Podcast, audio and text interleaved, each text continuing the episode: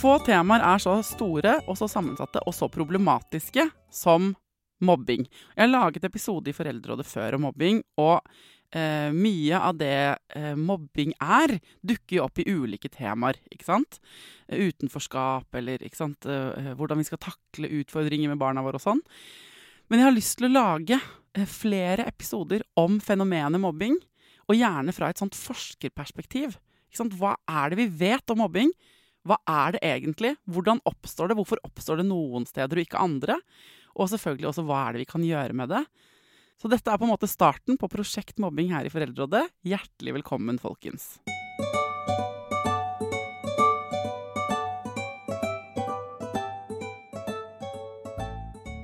Hjertelig velkommen til Foreldrerådet, Ingrid Grimsmo Jørgensen. Tusen takk.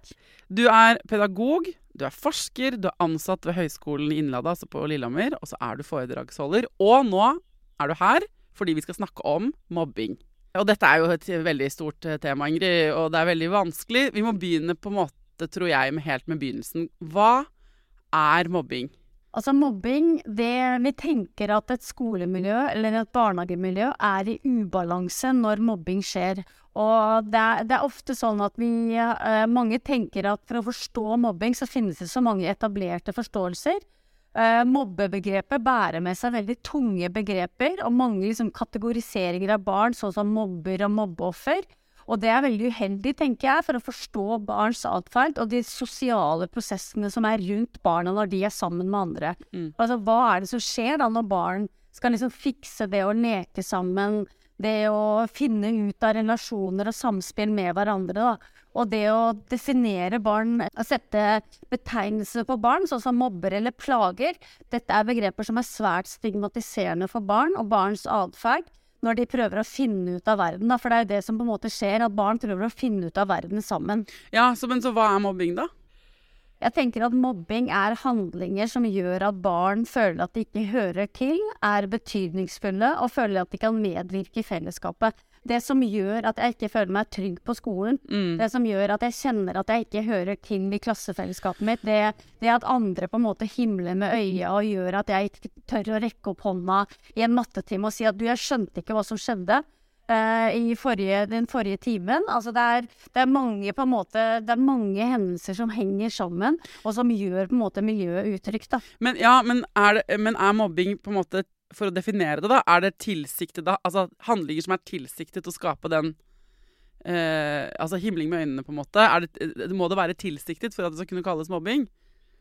Jeg tenker at det ikke er tilsikta. Jeg tenker at det, det, har, det har ikke med noe med, med barn At barn har en intensjon om å plage eller å, å gjøre noe mot en annen. Det handler om Det blir liksom litt for enkelt og litt for uansvarlig å legge skylda på enkeltbarn på den måten der. Ah, Og tidligere så har mobbing blitt definert som gjentatte negative hendelser mellom barn som har et ujevnt maktforhold, og som kanskje manipulerer hverandre. Uh, og dette her språket her som vi har brukt tidligere i mobbeforskninga, det hindrer oss når vi skal finne de rette tiltakene. For vi tenker hva er galt med Martin som mobber? Hva er det som er feil med han? Når barn og Martin prøver å finne ut av dette her med relasjoner og lek og, og, og samspill med andre. Ja. Og jeg tenker at det er viktig også, det er viktig også å se for seg at det er mange store sosiale prosesser som er på avveie da, når, eh, når, mobbing, når barn mobber hverandre. Men hvis vi skal liksom uh, bryte det ned helt til the basics sant? Og jeg vokste opp Jeg er født i 83, så jeg vokste opp på 80-tallet. Og da jeg vokste opp, så var mobbing, spesielt på film og sånn, det var sånn buksevann i Gummitasjan-boken. Det var på en måte på TV, så var det sånn folk som var sånn er med trynet ditt, da? Uh, ikke sant? Det var plaging. Det var folk som plaget hverandre på skoleveien, stjal sekkene til hverandre. Det var Det kunne være slåssing. Eh, det, kunne være at du ble holdt utenfor gjentatte ganger eller slengt dritt til. Så det er på en måte Hvis vi tar utgangspunkt i meg, da, så er det på en måte den gjengse oppfatningen blant foreldre der ute er at mobbing er liksom Noen barn er slemme mot andre. Og det du sier nå, er jo ganske viktig at fra liksom toppen av denne episoden, da, hvor vi skal prøve å definere mobbing og få en, kanskje en litt ny forståelse for hva det er, og hvor det kommer fra, og hva vi kan dermed gjøre, så handler det om at vi du, eh, Det du sier, er det er ikke nødvendigvis tilsiktet. Altså, det kan se sånn ut for oss voksne. Eller Ja. det kan virke sånn for det barnet som blir utsatt for det, men det er ikke nødvendigvis sånn at Martin eller Siri prøver å være skikkelig dust mot det andre barnet. Mm. Er det det du mener? Ja, sett utenfra så kan mobbing se ut som det handler om dårlig oppdragelse, eller kanskje det handler Hvis du blir mobba, så handler det om hva slags utseende du er, eller hvem du er. Men egentlig så handler mobbing om den kulturen som preger det barnefellesskapet. Mobbing handler også ikke om hvert enkelt barn. Det handler om liksom de sosiale Hva er det som preger den sosiale sammenhengen du er en del av, da? Hva er det som preger relasjonene, vennskapet? Hva slags klima er det i klassen? Slags, hvordan er det klassen blir leda? Hva slags læringsaktiviteter har man sammen, osv.? Hva, slags, hva slags fellesskap er det det var, da? Kan du ikke være konkret her? For noe, ikke sant? Hvis man ikke, hva, betyr, hva betyr det? Hva, gi meg noen eksempler på hva hva slags kultur f.eks. man er i, i, klassen.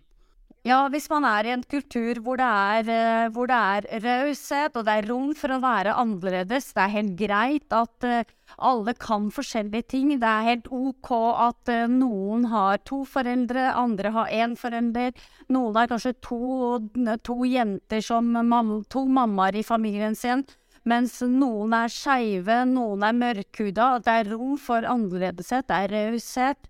Og det er, det er, veldig mye positive tilbakemeldinger på hvis man ikke får til og ikke kan. Uh, når man går inn i det klasserommet, så kjenner man liksom at å, her hører jeg til, her er jeg hjemme, her er det trygt å være meg. Her blir jeg ikke holdt utafor, her er det ingen som baksnakker meg eller sprer et rykte om meg. Her er det ingen som kaller meg noe stygt, eller at jeg får en stygg kommentar om utseendet, om klærne mine, om hva jeg tror på, eller dialekta mi. Det er ingen som slår meg, dytter meg, eller, eh, eller holder meg utafor i lek når vi er sammen i friminuttet. Ingen tar sekken min, øh, kaster den rundt, tømmer den ut. Eh, det er ingen som på en måte ikke har lyst til å være sammen med meg, da. Det er ingen sårende eller stygge meldinger eller bilder eller videoer i sosiale medier osv. Ja, så det, da er det klimaet en god kultur? Ja, det er klima en god kultur. Da er det raushet og verdighet som er viktig i kulturen, da. Ikke sant? For under de der fagbegrepene som jeg tror man ganske fort møter som forelder, så skjønner man ikke Vi trenger å konkretisere dem. Så det er veldig bra. Nå ga du mange gode, konkrete eksempler. Mm. Så tenker jeg at det der å snakke liksom For de setningene, i hvert fall for liksom oss eh, slitne foreldre noen gang, så, det, så, så sier man sånn God ledelse av klassen. Men bare kan jeg bli sånn Men hva betyr det? Hva betyr det helt konkret? Ikke sant? Og hvis vi kan eh, Jeg tror vi, For at vi skal skjønne eh, mobbing som fenomen, så trenger vi liksom å få det liksom helt sånn inn i de trøtte foreldretrynene våre sånn med disse eksemplene. da. Så det var bra. Ja. Det, nå beskrev du et godt og trygt og raust miljø.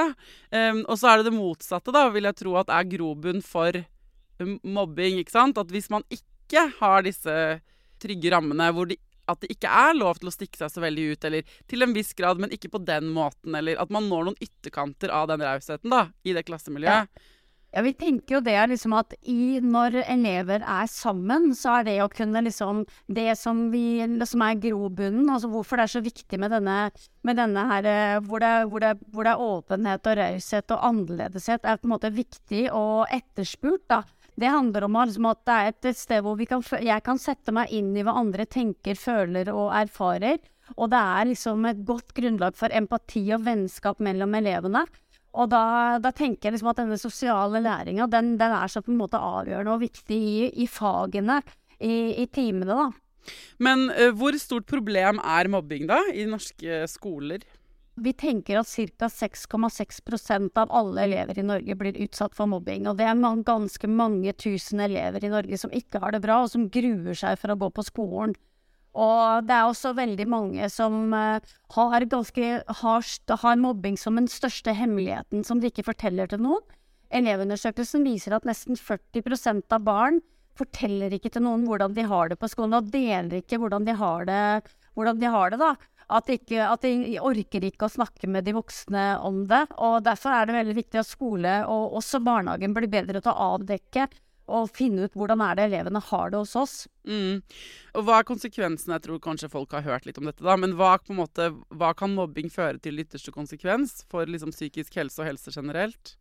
Ja, vi vet jo om at barn har tatt sitt eget liv på barnetrinnet fordi at de har opplevd utenforskap og mobbing over lengre tid. Så vi vet at det, det, starter med at de har vondt i magen, de ønsker ikke å gå på skolen, de vil ikke gå i barnehagen. De viser med atferden sin og kroppen sin at de ikke har det trygt og godt. Og mange ganger kan det være vanskelig for oss voksne å, å vite er det, hva er det som skjer her nå, liksom? Hvordan er det barnet mitt har det? Dette her, er dette, har dette noe med barnehage eller skole å gjøre? Spesielt når barna blir, er mindre. så er det vanskelig når man ikke har språk for å fortelle da, hvordan er det jeg egentlig har det. Og når vi vet at uh, mobbing er uhyre tabubelagt, og det å fortelle til mamma og pappa at uh, jeg blir mobba, det er noe barn gruer seg veldig for. Mm. Men jeg lurer på det der eh, vi snakket om i begynnelsen med tilsiktet. ikke sant? For barn kan jo komme hjem fra barnehagen eller fra skolen og føle at f.eks. de har blitt utestengt. Ja. Og så Noen ganger så er det jo veldig på en måte lett å finne bevis for at ja, det, du ble, var den eneste som ikke ble invitert til den bursdagen. Da er det lett for en forelder å si sånn Du ble utestengt. Dette er mobbing, på en måte, hvis dette er gjentagende og alt det der. Eh, men eh, når du sier at eh, vi ikke trenger å ha med det tilsiktede aspektet vi kan da, Det betyr jo at vi kan Hvis et barn kommer hjem og føler seg utestengt, eller mobbet, da, ja. så er det det som teller. Uavhengig av om eh, omgivelsene har prøvd å utestenge eller ikke. Absolutt.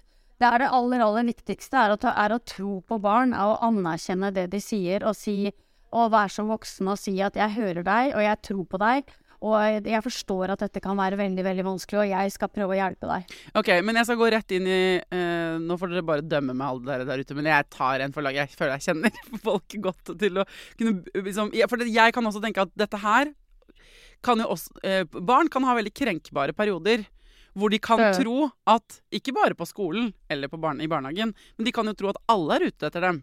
Altså, Det kan jeg som voksen av og til òg, hvis jeg våkner opp og har en skikkelig dårlig dag. ikke sant? Ja. Eh, og det er ganske vanskelig som forelder å møte barnet sitt hvis barnet sier eh, De hvisket og tisket om meg. De satt og hvisket og tisket om meg. Og så møter jeg og sier sånn Ja, det skjønner jeg at var ekkelt. Hvis jeg vet at de har ikke hvisket og tisket om deg. Ja. At dette her, Hvordan klare å navigere i det feltet hvor for jeg får jo av og til lyst til å si, må jeg innrømme sånn Altså, dette her er det dine antenner som forstår. Du tror at verden er sånn og sånn. Det, er, det stemmer ikke. Altså, et barn som setter seg i veldig Eller et voksen, for den saks skyld. da, Når vi setter oss i veldig sånn offermentalitet, hvis jeg kan bruke det, og tror at verden er ute etter oss, så finner vi også flere bevis for at verden er ute etter oss. Hvis du skjønner hva jeg mener? Ja, jeg skjønner hva du mener, men jeg er ikke helt enig med deg. For jeg tenker liksom når barn skal mestre livet sitt, da, så, og så klarer de ikke å finne ut av dette her med følelser lek og relasjoner selv. Eh, barn er veldig avhengig av dette her med at vi har varme, tilstedeværende voksne rundt oss. Og det starter liksom hjemme. Så fortsetter det liksom i barnehage, og deretter i skole. Og alle erfaringer eh, barn har med oss voksne, at de tror på oss, og at de voksne som liksom gir positiv respons til oss når vi forteller om ting, eh, ting vi, som er vanskelig. Og jo flere Hvis barn har en, en stor bank av positive erfaringer med oss voksne, så er det lettere for dem å navigere i livet framover også, så det er innmari viktig også å tro på dem og, og tenke at, og gi dem trygghet i at uh, deg kan de alltid komme til, og du vil alltid, alltid tro på dem. Ja, det, alltid det, støtte dem i det de, det de snakker med deg om. Da. Ja da, jeg, bare, jeg tar opp dette fordi jeg vet at den balansegangen kan være litt vanskelig. Skal, uh, det motsatte enden av spekteret. Um, vi som foreldre, da, for å vi være alle disse, gjøre disse fantastiske tingene som du sier, tenker at det krever også at vi Jeg bare sier at det kan være vanskelig av og til. Eh, om det er i en søskenflokk eller i en skolesituasjon hvor det er flere barn involvert, det er flere menneskers følelser involvert, og du skal romme dem alle sammen. Og det å både klare å få til det, og både skjønne sånn Ja, jeg skjønner at du er kjempelei deg fordi du føler at de utestengte deg i dag, ja. eller nå, på trampoline, at du ikke fikk være med. Ja. Men samtidig altså, Men kan jeg på en måte formidle at det kan stemme at du føler deg utestengt fra trampolina, uten at de andre har vært slemme mot deg? Mm. Det er klart. Og det å finne den balansen helt i praksis, uh, Ingrid, det er ikke alltid så lett. Hilsen mange ja. barn på trampolina blir av og til krøll, hvis du skjønner. Ja. For da, hvis ikke jeg tar laget til den ene, da ja. Ikke sant? Mm. Uh, uh, dette er en hypotetisk situasjon, men hvis jeg ikke tar laget til én unge, og dermed blir med carte blanche på alt de, de, har vært slemme, du har blitt utestengt, det er derfor at du har Altså, alle disse følelsene har en faktisk grunn i virkeligheten, ja. så føler ikke det barnet seg anerkjent nok. Ja. Eller når den kommer hjem fra barnehagen og sier 'han var slem', eller 'hun var slem', eller ikke sant. Og så Jeg tenker at det, kan, det er vanskelig å på en måte bli med på av og til, og anerkjenne at du har det vondt nå. Du tenker at Louise i barnehagen var skikkelig slem. Det medfører ikke nødvendigvis riktighet, men jeg skjønner at du er lei deg. Skjønner Den der ja, balansen er en Man står i spagaten allerede ved første setning der. Ja, det å liksom navigere når du skal snakke med barn, det er ikke alltid dette følelsesmessige kompasset som barn skal utvikle. Da. Det å liksom det å forstå meg selv og det å forstå andre i seg selv utenfra, og det å forstå andre, det er en sånn lang navigeringsprosess som er på en måte Det krever på en måte utrolig tålmodige foreldre, og det krever, liksom, det krever på en måte at vi møter dem der de er, da, og anerkjenner de følelsene de har, og sier at 'jeg forstår at du føler det sånn'. Kan vi snakke litt mer om det? Er det, er det hvordan kan jeg hjelpe deg til å måte navigere i denne, her, denne her verden her når du er sammen med de andre på trampoline? Hvordan kan jeg styrke deg sånn at du får til dette bedre neste gang? Sånn at, det blir, sånn at man etter hvert bygger opp en erfaringsbank som er veldig positiv. da. Ja, det høres supersmart ut. Bare i praksis så er det Jeg tenker også det der med klasseledelse. Nå skal jeg nå er jeg blitt vrang, altså, Ingrid, men det er jo på en måte jobben min. nei, men altså, ja. I en klasseledelse for en lærer da, som skal navigere i sånn Nei, men hun gjorde det. Nei, men han gjorde det. Men det var ikke det jeg mente. Men sånn, ja. sånn Som står i det der hver dag. Én ting er vi foreldre, men de som har dette som jobb, og skulle på en måte navigere i et sånt klassemiljø hvor det har oppstått en konflikt mellom to gjenger eller en som blir holdt utenfor, ja. og så å klare å anerkjenne alle barnas følelser i det rommet, det tror jeg mange lærere ville bare skrive inn på at det, går nesten ikke, det er nesten umulig. Ja, jeg tenker liksom at, eh, jeg tenker at eh, det krever eh, lærere som er, har høy relasjonskompetanse, og som på en måte vet og forstår at det å bygge trygge relasjoner til barn er så innmari viktig for et trygt og godt læringsmiljø. Da. Mm. At hvis barn skal lære å utvikle seg, så må de ha en lærer som faktisk hører på dem, og som på en måte hjelper dem til å navigere når de er sammen med andre måte, det er så innmari viktig for barns utvikling og læring. da. Men eh, la oss ha et annet eksempel. da. Hvis eh, barnet, du som hører på, da, de som har funnet denne episoden, fordi de opplever at barnet sitt blir mobba. Mm. Ikke har det bra på skolen. De, uh, det, det, har vært et gjentagende problem, kanskje. De har kanskje prøvd å snakke med lærer. De har kanskje prøvd å snakke med de andre foreldrene til de andre barna Vet, La oss si du har gjort en del av disse tingene her. Mm. Uh, men det, uh, barnets følelse av usikkerhet og utrygghet, det vedvarer. Mm. Ikke sant? hvordan står man i dette over tid, og gi den anerkjennelsen for de følelsene? Fordi på et eller annet tidspunkt så, så kan man bli sånn Men nå må det på en måte ta slutt vi må få en slutt på dette. Ja. Ikke sant? Altså, hvordan gjør man det, på en måte? Du, vet du hva, da må jeg nesten skuffe deg litt.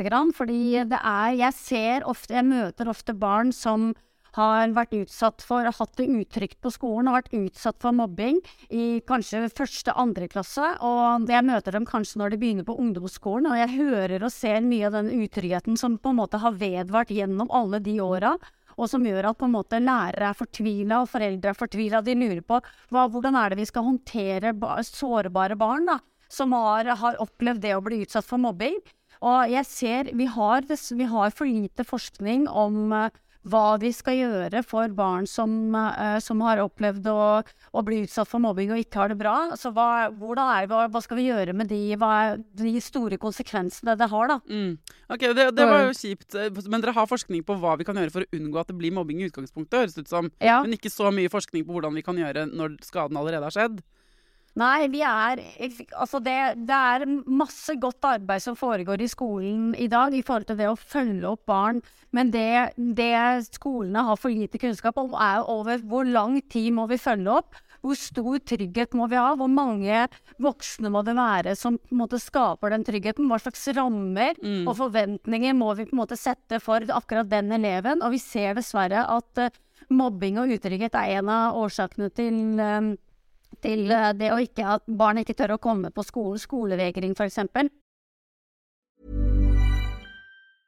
As a person with a very deep voice, I'm hired all the time for advertising campaigns. But a deep voice doesn't sell B2B, and advertising on the wrong platform doesn't sell B2B either. That's why if you're a B2B marketer, you should use LinkedIn ads. LinkedIn has the targeting capabilities to help you reach the world's largest professional audience. That's right. Over 70 million decision makers all in one place. All the big wigs then medium wigs. Also small wigs who are on the path to becoming big wigs.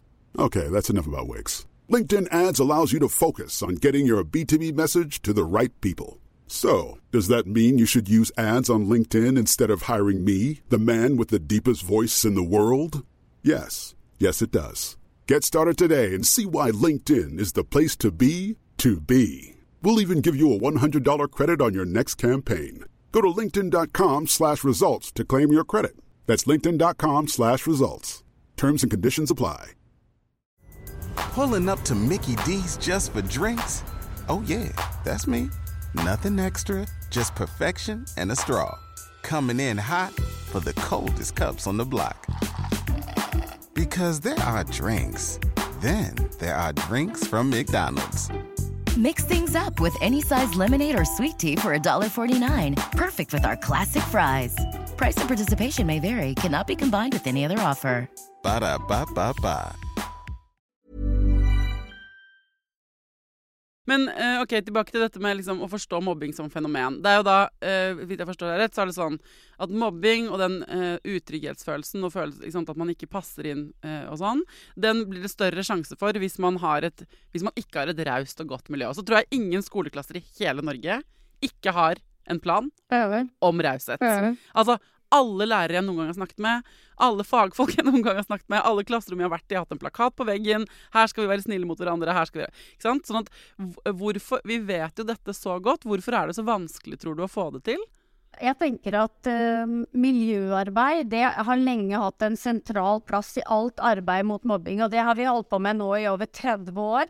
Og jeg vet at skoler og barnehager de, de har masse kunnskap om hva mobbing er, og hva vi skal gjøre for å forebygge mobbing. Og jeg vet at det er mye godt systemarbeid som foregår i skolen for å, for å forebygge mobbing. Og så tror jeg det er for lite kunnskap om håndtering. Og jeg ser også når jeg snakker med rektorer og lærere, så ser jeg ofte at eh, når det oppstår mobbing, så er det vanskelig å se for seg at eh, det er mekanismer i hele klassa som er med og påvirker hva Martin gjør, og hva Bente gjør, og hva Trine gjør. Det er på en måte veldig mange faktorer vi må sette inn tiltak mot samtidig. Mm. Og derfor er det liksom Det er sosiale dynamikker som er ganske kompliserte. Og derfor er det hovedfokuset på tanken med liksom tiltak og endringsarbeid må, må da rettes mot både relasjonelle og kontekstuelle faktorer i miljøet enn mot enkeltbarn. Og der tror jeg veldig mange skoler og lærere Det kan være vanskelig når en sak først er opp oppstått, og det er foreldre som står på sidelinja og sier at det var Martin som gjorde det. Ja, men jeg vil bare arrestere deg på noen vanskelige begrep igjen. Relasjonelle og konstituelle hva, hva Kontekstuelle, kontekstuelle fenomener, fenomener. Hva er det? Eller sånn eksempler på det? For eksempel så er jo, er jo relasjonelle Altså, det et inkluderende miljø har flere faktorer, da. Og skolens sosiale maskineri består av alle personene som hører til der. Mm. Og det er da bl.a. relasjonene mellom elevene og relasjonen mellom lærer og elev. Og det er liksom kvaliteten på de relasjonene jeg snakker om når jeg snakker om eh, relasjonelle faktorer, da. Hva er det som preger på en måte relasjonene? Hva er det som preger, hva slags hierarkier og klikkdannelser er det som er, eh, er i klassa?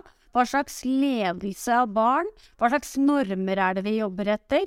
Hva slags samhold er det som preger klassa? Og hva, hvordan er det vi leder denne klassa her, på en måte? Og hva slags samarbeid har vi med foreldrene? Det kan være kontekstuelle faktorer. Ja, for, Hva er andre kontekstuelle faktorer, da? For jeg ville tenkt at det var relasjonelt til foreldre òg, ja, men eh, det kan vel være begge deler, kanskje? Det kan være begge deler, ja. En kontekstuell faktor kan f.eks. være hva slags, hvordan er det den pedagogiske planleggingen foregår? Hvordan er, vi, hvordan er, det vi, rigger fagene? Hvordan ser vi til at alle er med i alle læringsaktivitetene? Hvordan, mm. hvordan er det vi får til at uh, barn føler at de, de er med, og de, de, føler at de er trygge når de har matte eller kroppsøving eller norsk, da? Ja, ok, Så hvis vi skal ta liksom Martin-situasjonen, da. Det er gutt som heter Martin, i en klasse, mobber eh, Jesper. Ja. Jesper kommer hjem og er skikkelig lei seg fordi Martin har vært kjip. Han har vært kjip mange ganger. Ja. Den klassiske oppsettet her er at læreren kanskje ringer til moren til, eller faren til Jesper og sier i dag har det skjedd noe på skolen, eller foreldrene til Jesper tar kontakt og forteller at dette har vært kjipt. Ja. Og Martin blir, ut, han blir utpekt, for han har vært den som har sagt stygge ting eller tatt fra ranselen, eller hva de har gjort, da. Og i en klassisk oppsett så vidt jeg vet, i hvert fall, er det vanlig at man da Disse to foreldrene og disse to menneskene, disse to barna, er det det blir fokus på. Og det eh, Forstår jeg deg rett hvis det du sier, er at eh, her trenger vi å se ganske bredt med en gang. Mm. Istedenfor å gå rett på at er Martin oppdratt dårlig, eller har Martin det kjipt hjemme. Ja. Er det det du sier? At de kontekstuelle og relasjonelle miljøet rundt Martin det muliggjorte for han å oppføre seg sånn, eller tenke at det er lurt å oppføre seg sånn. Ja, hva er det da? Hva er det i miljøet rundt Martin som har gått galt, da? Hva Mm. er det som gjør at den er det som gjør at det barnefellesskapet eller det elevfellesskapet rundt Martin, sammen med Martin, har gjort at dette er utrygt? Og at man kjenner at det, det, er, det er mobbing man, man griper til, da. Eh, For å på en måte kjenne at jeg hører til og jeg har det trygt sammen med andre. Så at man må analysere gruppemiljøet og, og vennskapsrelasjonene i større grad da, enn det man har trodd. Så man tenker jo at, Vi tenker jo det at det å sette inn tiltak retta da mot Martin, eller mot den som mobber, og den som blir utsatt for mobbing, det virker ikke. Det vil heller ikke virke over tid hvis vi tar Martin og, og den som blir utsatt for mobbing, ut av det regnestykket. Så vet, så vet vi at klasse, klassemiljøet sin helhet påvirker hvordan barna er mot hverandre. Derfor så må vi løfte blikket og analysere klassemiljøet sin helhet for å finne ut hva slags faktorer er det som er i bevegelse her. Hva er det som gjør at Martin strever og mobber eh, andre, da? Ja, og så kan man jo snu på det og si sånn Ref det jeg sa i starten med liksom offermentalitet. Eventuelt i dette tilfellet, da. Jeg skjønner at jeg ikke skulle sagt det ordet og alt mulig sånn, men jeg er bare en vanlig mamma. Og, eh, sånn er det. men hvis Det kan jo hende her at Martin egentlig, da hvis man ikke har noen fakta på at Martin faktisk har vært kjip, Ja. men at dette er opplevelsen Jesper har. Ja. Hva er det i klassemiljøet og de samme faktorene, relasjonelle og kontekstuelle rundt, Ja. som gjør at Jesper føler seg krenka og lei seg? Ja. Ikke sant? Og det tenker jeg at den delen, det er, den, det er det jeg mener. At det kan, trenger ikke bare være at verden har vært hard. Ja. Det kan være at du opplever at verden har vært hard. Og at det er en viktig del av analysen. At man ikke liksom hopper til konklusjoner for raskt. Ja, og det, du bringer fram nå noe veldig veldig viktig, og som vi opplever på veldig mange skoler. At man hopper til konklusjonene for fort. Og at man setter inn tiltak retta mot en som da mot de da, den eller de som mobber, på en måte. Så, og, og uten å ha analysert miljøet godt, da. Og, og på en måte finner ut hva er det som gjør at man har en subjektiv opplevelse av å ha det utrygt. Og bli utsatt for mobbing. Hva er det som gjør at man har det på den måten? Da? Så må man ta utgangspunkt i det. Ja. Nå har vi allerede snakket oss sammen ganske lenge, så vi har veldig lyst til å be om masse sånne tiltak og hva skal vi gjøre og sånn. Men jeg tenker Ja. at det, det kan være fint å uh, kanskje lage en episode to hvor vi kan snakke gjennom sånn OK, hva kan man gjøre? Så derfor så holder jeg meg litt, bare hvis det er greit for deg, Ingrid, i dag til sånne de der bakgrunnsvariablene fortsatt. Ja. Og liksom hvordan man kan kjenne det igjen og sånn. Og så kan vi heller gå på tiltak i en annen episode. Høres det bra ut for deg? Du, det høres veldig bra ut. Jeg kommer gjerne tilbake. Men da, for da vil jeg gjerne grave litt mer i bakgrunnen her. Er det sånn at eh, når du møter rektorer og lærere og sånn, hvor hardt sitter denne, måte, disse mytene om mobbing da, i Ja, de etablerte forståelsen og den gamle mobbedefinisjonen, den sitter veldig hardt i, i hele Norge. Og, hvordan er det, hva skal vi gjøre med barn som mobber? At barn gjør det med intensjon, de gjør det med vilje. Hva er det som gjør at barn gjør sånne fæle ting? Det kan være vanskelig å forstå. Og når jeg er ute, er ute i feltet og jobber, så jeg og møter jeg ofte lærere og rektorer som tenker at hva er det som er galt med Martin som mobber eh, andre, og hvorfor er han så aggressiv mot andre barn, da? Og de legger ansvaret over, i veldig stor grad over på Martin. Og dette er jo svært stigmatiserende for Martin. Han er noe han ofte bærer med seg flere år på skolen. Jeg er en mobber. Og de, de går også glipp av på en måte hva er, det som, hva er det i det klassemiljøet som gjør at eh, Martin strever i lek og læring sammen med andre, og hva er de rette tiltakene vi skal, vi skal, vi skal sette inn i dette tilfellet her, da. Ja, altså, jeg hadde skikkelig vondt i hofta mi her for en stund siden. Og så gikk jeg etter mye om meg, hadde gått rundt og hatt en vondt i hofta og prøvde å liksom tøye, gjøre alle de tingene jeg tenkte at var som handlet om hofta mi, eh, lenge. Og det hjalp ingenting. Og så gikk jeg til en kiropraktor til slutt, og så sa han ja, men problemet ligger oppi nakken. Altså, det er, der, eh, det er der vi må jobbe, fordi dette er en følgefeil. Det her, eh, hoft, at det har vondt i hofta, er en følgefeil i kroppen gjennom liksom at det er, flere, sånn, det er skjevhet på flere steder. da. Fordi jeg hadde overbelastet. Liksom, sånn. Dette her, Jeg bare kom opp på det som en slags analogi. At man kan på en måte øh, øh, Hvis Martin er hofta, Ja. eller situasjonen mellom Martin og Jesper er hofta, at man på en måte Det hjelper ikke jo med du trykker akkurat der, for det er ikke der problemet ligger. Er det litt, Skjønner du hva jeg mener? Jeg skjønner veldig godt hva du mener. Det var et veldig godt bilde. Absolutt. Ja, og når jeg fikk liksom øh, justert en del For det ble en del følgefeil følgefeil i resten av muskulaturen. Her kan du tenke deg liksom, muskulaturen er klassemiljøet. Det blir en del følgefeil. Det, blir, det tar kanskje tid. ikke sant? Kulturen setter seg. Du blir vant til å ikke sant? Du har vondt kanskje ett sted, du ikke merker du anspenner deg der. Eh, så blir flere muskelgrupper anspent. Så fører det til smerter et helt annet sted av og til enn der hvor problemet egentlig ligger. Ja, og så har det, og så har det konsekvenser for hele kroppen din nå. Det har konsekvenser for, for alle som er med i det barnefellesskapet. Det har, Når vi begynner å sette inn tiltak, individuelle tiltak retta mot Martin eller mot ett sted, og, vi tenk, og så er kanskje, kanskje utryggheten egentlig handler om at det har vært så mange, mange lærere, nye lærere i den klassa. Det har vært utskiftinger gang på gang på gang, og det barna trenger, er å få en stabil voksen som leder dem i riktig retning, og som er en god rollemodell, og som på en måte veit hva klassa trenger. da. Det, det er på en måte kanskje viktigere at vi på en måte analyserer på en måte og er flinke til å få overblikk. da. Men er det liksom sånn Vil du gå så langt som å si at på en måte For det er litt revolusjonerende det du sier, egentlig.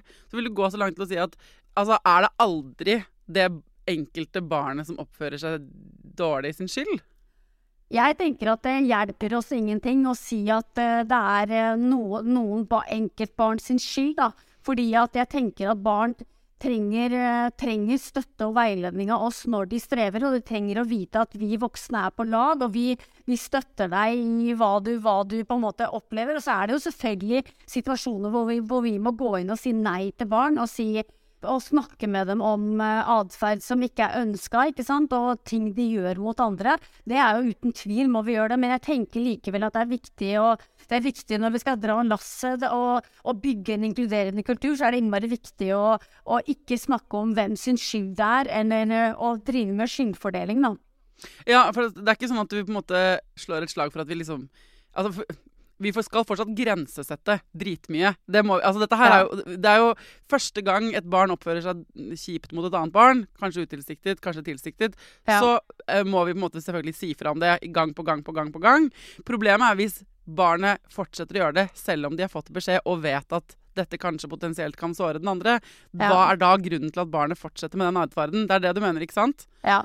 Mm. Det og det er der vi liksom eh, For, for jeg, jeg kan høre de foreldrene som hører på nå. Jeg, kjenner, jeg føler jeg kjenner gjengen som hører Ja. på ganske godt. Ja. Og der er det jo noen som sier sånn Nei, noen ganger så oppfører unger seg dritt, og da er det er det, liksom. Det trenger Ja. ikke være mer komplisert enn det. Jeg Ja. orker ikke at vi skal akademisere dette i huet og ræva, tenker de Ja. foreldrene. Hva, si, hva tenker du, og hva vil du si til dem? Jo, jeg er helt enig. Noen ganger så, er, så syns barn livet er vanskelig, og noen ganger så er de ikke så veldig glad i foreldrene sine, og noen ganger så er de heller ikke så veldig glad i læreren sin. Og vise med hele kroppen sin at vet du hva, jeg kan ikke fordra deg. Og da er det liksom Hvordan er det at vi skal respondere til sånne barn, da? Hva er det, Ja. vi, skal, hva er det vi skal fortelle sånne barn? Hva trenger de av oss? Og det å hele tida stille spørsmålet hva har Martin behov for? Hva trenger han når han gang på gang på gang gjør ting han ikke burde? Hvor, er, hvordan er det jeg skal nå inn til Martin? Da? Hvordan skal jeg finne ut hva er den bakenforliggende årsaken til Martins atferd? Så jeg er litt sånn opptatt av at man skal lete litt i barns omgivelser da, og finne ut hva er det som gjør at dette er vanskelig for Martin? Ja. Ja, jeg hører det. Ja, det er kjempebra. Altså, du, du gjentar og gjentar. Alle som har hatt barn som heter Martin, føler seg veldig stigmatisert av dette nå, men eh, det, Ja. kan, det tåler de, tror jeg. Ja. Um, uh, det der å lete med lykt og lupe, og ikke være så utålmodig som meg Jeg kan jo godt med voksne barn si sånn Jeg kan gi beskjed et par ganger, så er sånn, men hvis du gjentar den ræva oppførselen der, så blir jeg forbanna, liksom. Det er ikke greit på en måte, å pushe den grensen igjen og igjen. Og jeg, kan godt, jeg er nok tjent av og til med å få en reminder på sånn Men hva er grunnen til at du gjør dette? Og de gangene jeg husker det, ikke sant, og fyller på Altså eh, fylle på tanken på en annen et annet sted. La oss si at det kan komme ut som eh, irritasjon på hjemmebane, da, eller Og det kan være voksne mennesker i min nærhet òg. Så kan det hende at sant, det er ikke akkurat den situasjonen som er problemet. Det kan være at eh, du er sliten, eller at du Ungen min trenger at vi henger en ettermiddag, bare han og jeg. Ja. Selv om det kommer ut i lekselesinga eller det kommer ut på skolen, så kan det godt være at det er noe annet, et annet sted skoen trykker. Ref min egen hofte. Ikke sant? Ja. Det er en veldig god oppsummering, altså. Du kommer der. Det er noe med det. Hva er det egentlig barnet ditt trenger, på en måte? Er, jeg, jeg tror mange foreldre tenker, tror jeg kan minne seg sjøl på at de kan spørre Hva er det de trenger av meg nå? Mm. Og da er det noe med å prøve å se for deg hvordan er det å være barn i denne situasjonen her, da.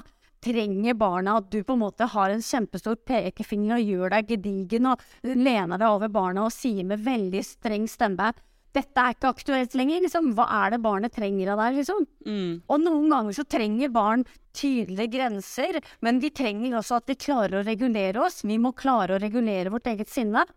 Ja. Vår egen utålmodighet, da. Um, ok, jeg skal prøve å oppsummere. Altså det, uh, her gikk jeg inn i denne samtalen med deg og trodde jeg skulle få løsningen på mobbing. Og det du gir meg, er en helt ny definisjon, egentlig, av hvordan vi skal forstå mobbing. Så for å se om jeg har forstått det riktig, Ingrid. Mobbing, når det dukker opp som et symptom i en situasjon, i en klasse, i en barnehage, dvs. Si når barnet ditt kommer hjem og ikke føler seg trygg og god, hvis den er eh, gjentatte ganger føler seg utestengt eller sant, har blitt utsatt for en rekke ubehageligheter, så er det sånn at da, eh, da kvalifiserer det for ditt barn at det barnet opplever mobbing. Og hvis Da er ikke problemet det du skulle tro, da. Hopp, da hopper du som forelder til at det andre barnet som har gjort dette, eller de andre barna, de er problemet. Og dette det handler om dere. Den nye forståelsen her, den lille revolusjonen her, at dette er et symptom på et mye større bilde. Ganske sannsynlig. Og det å ta på seg de brillene, og dermed liksom ta et helhetsblikk og gå analytisk inn i og forske på, altså stille seg spørsmålet hva er det som eh, tillater at disse situasjonene oppstår. Hvorfor gjør disse barna dette? Hvorfor opplever mitt barn det sånn? Det er de avgjørende spørsmålene. Og vi må, der må vi på en måte klare å snu en liksom 50 år gammel forståelse da, av hva det er som er problemet. Fordi vi er vokst opp med Pelle og Proffen-filmer og 80-tallsmobbing. på en måte. Ja. Og det sitter i oss, inkludert meg, som snart har laget 500 episoder av denne podkasten. Ja. Nettopp. Nettopp. Er det en eh, ok oppsummering av det vi har fått til Ja. så langt? Ja, hva slags inkludering og ekskluderingsprosesser er det som er i gang i, den, i Mm. min sønns klasse, da? Det å være nysgjerrig på hva er det som foregår, og det å prøve å få øye på det og samarbeide med lærere, det tror jeg på en måte er veldig, veldig viktig. Altså en del av løsninga på mobbing.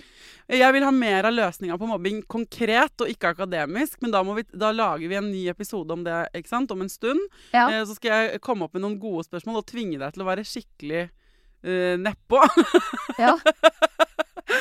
Fordi vi trenger jo, ikke sant eh, Alt vel, sier de som hører på denne episoden. Jeg har skjønt hva mobbing er. Gøy, dette er interessant med et nytt perspektiv og nye briller. Men hva faen er vi gjør? Hva skal vi gjøre for noe? Ja. Det er det vi trenger hjelp til. Men da mm, altså, Takk for denne gang, da, Ingrid. Så snakkes vi snart.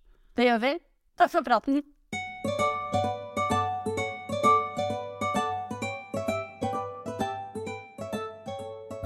Ok, denne episoden eh, ble sånn grunnleggende level 1-utdanning på mobbing. Og jeg må si det er ganske interessant å få en gjest i studio som endevender det perspektivet jeg åpenbart hadde med meg inn, da.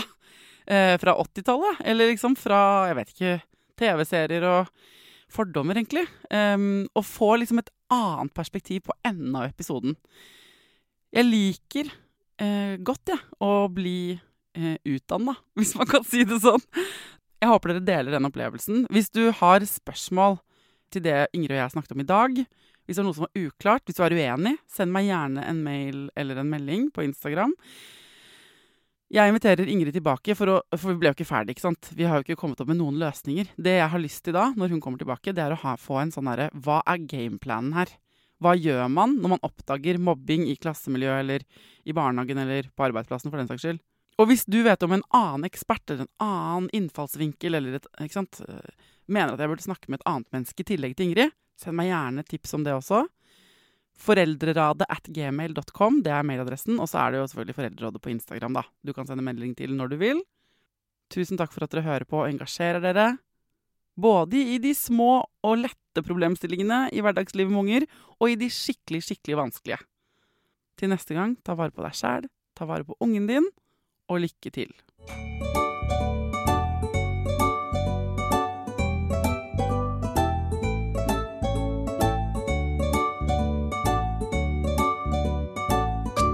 Produsert av Klinge.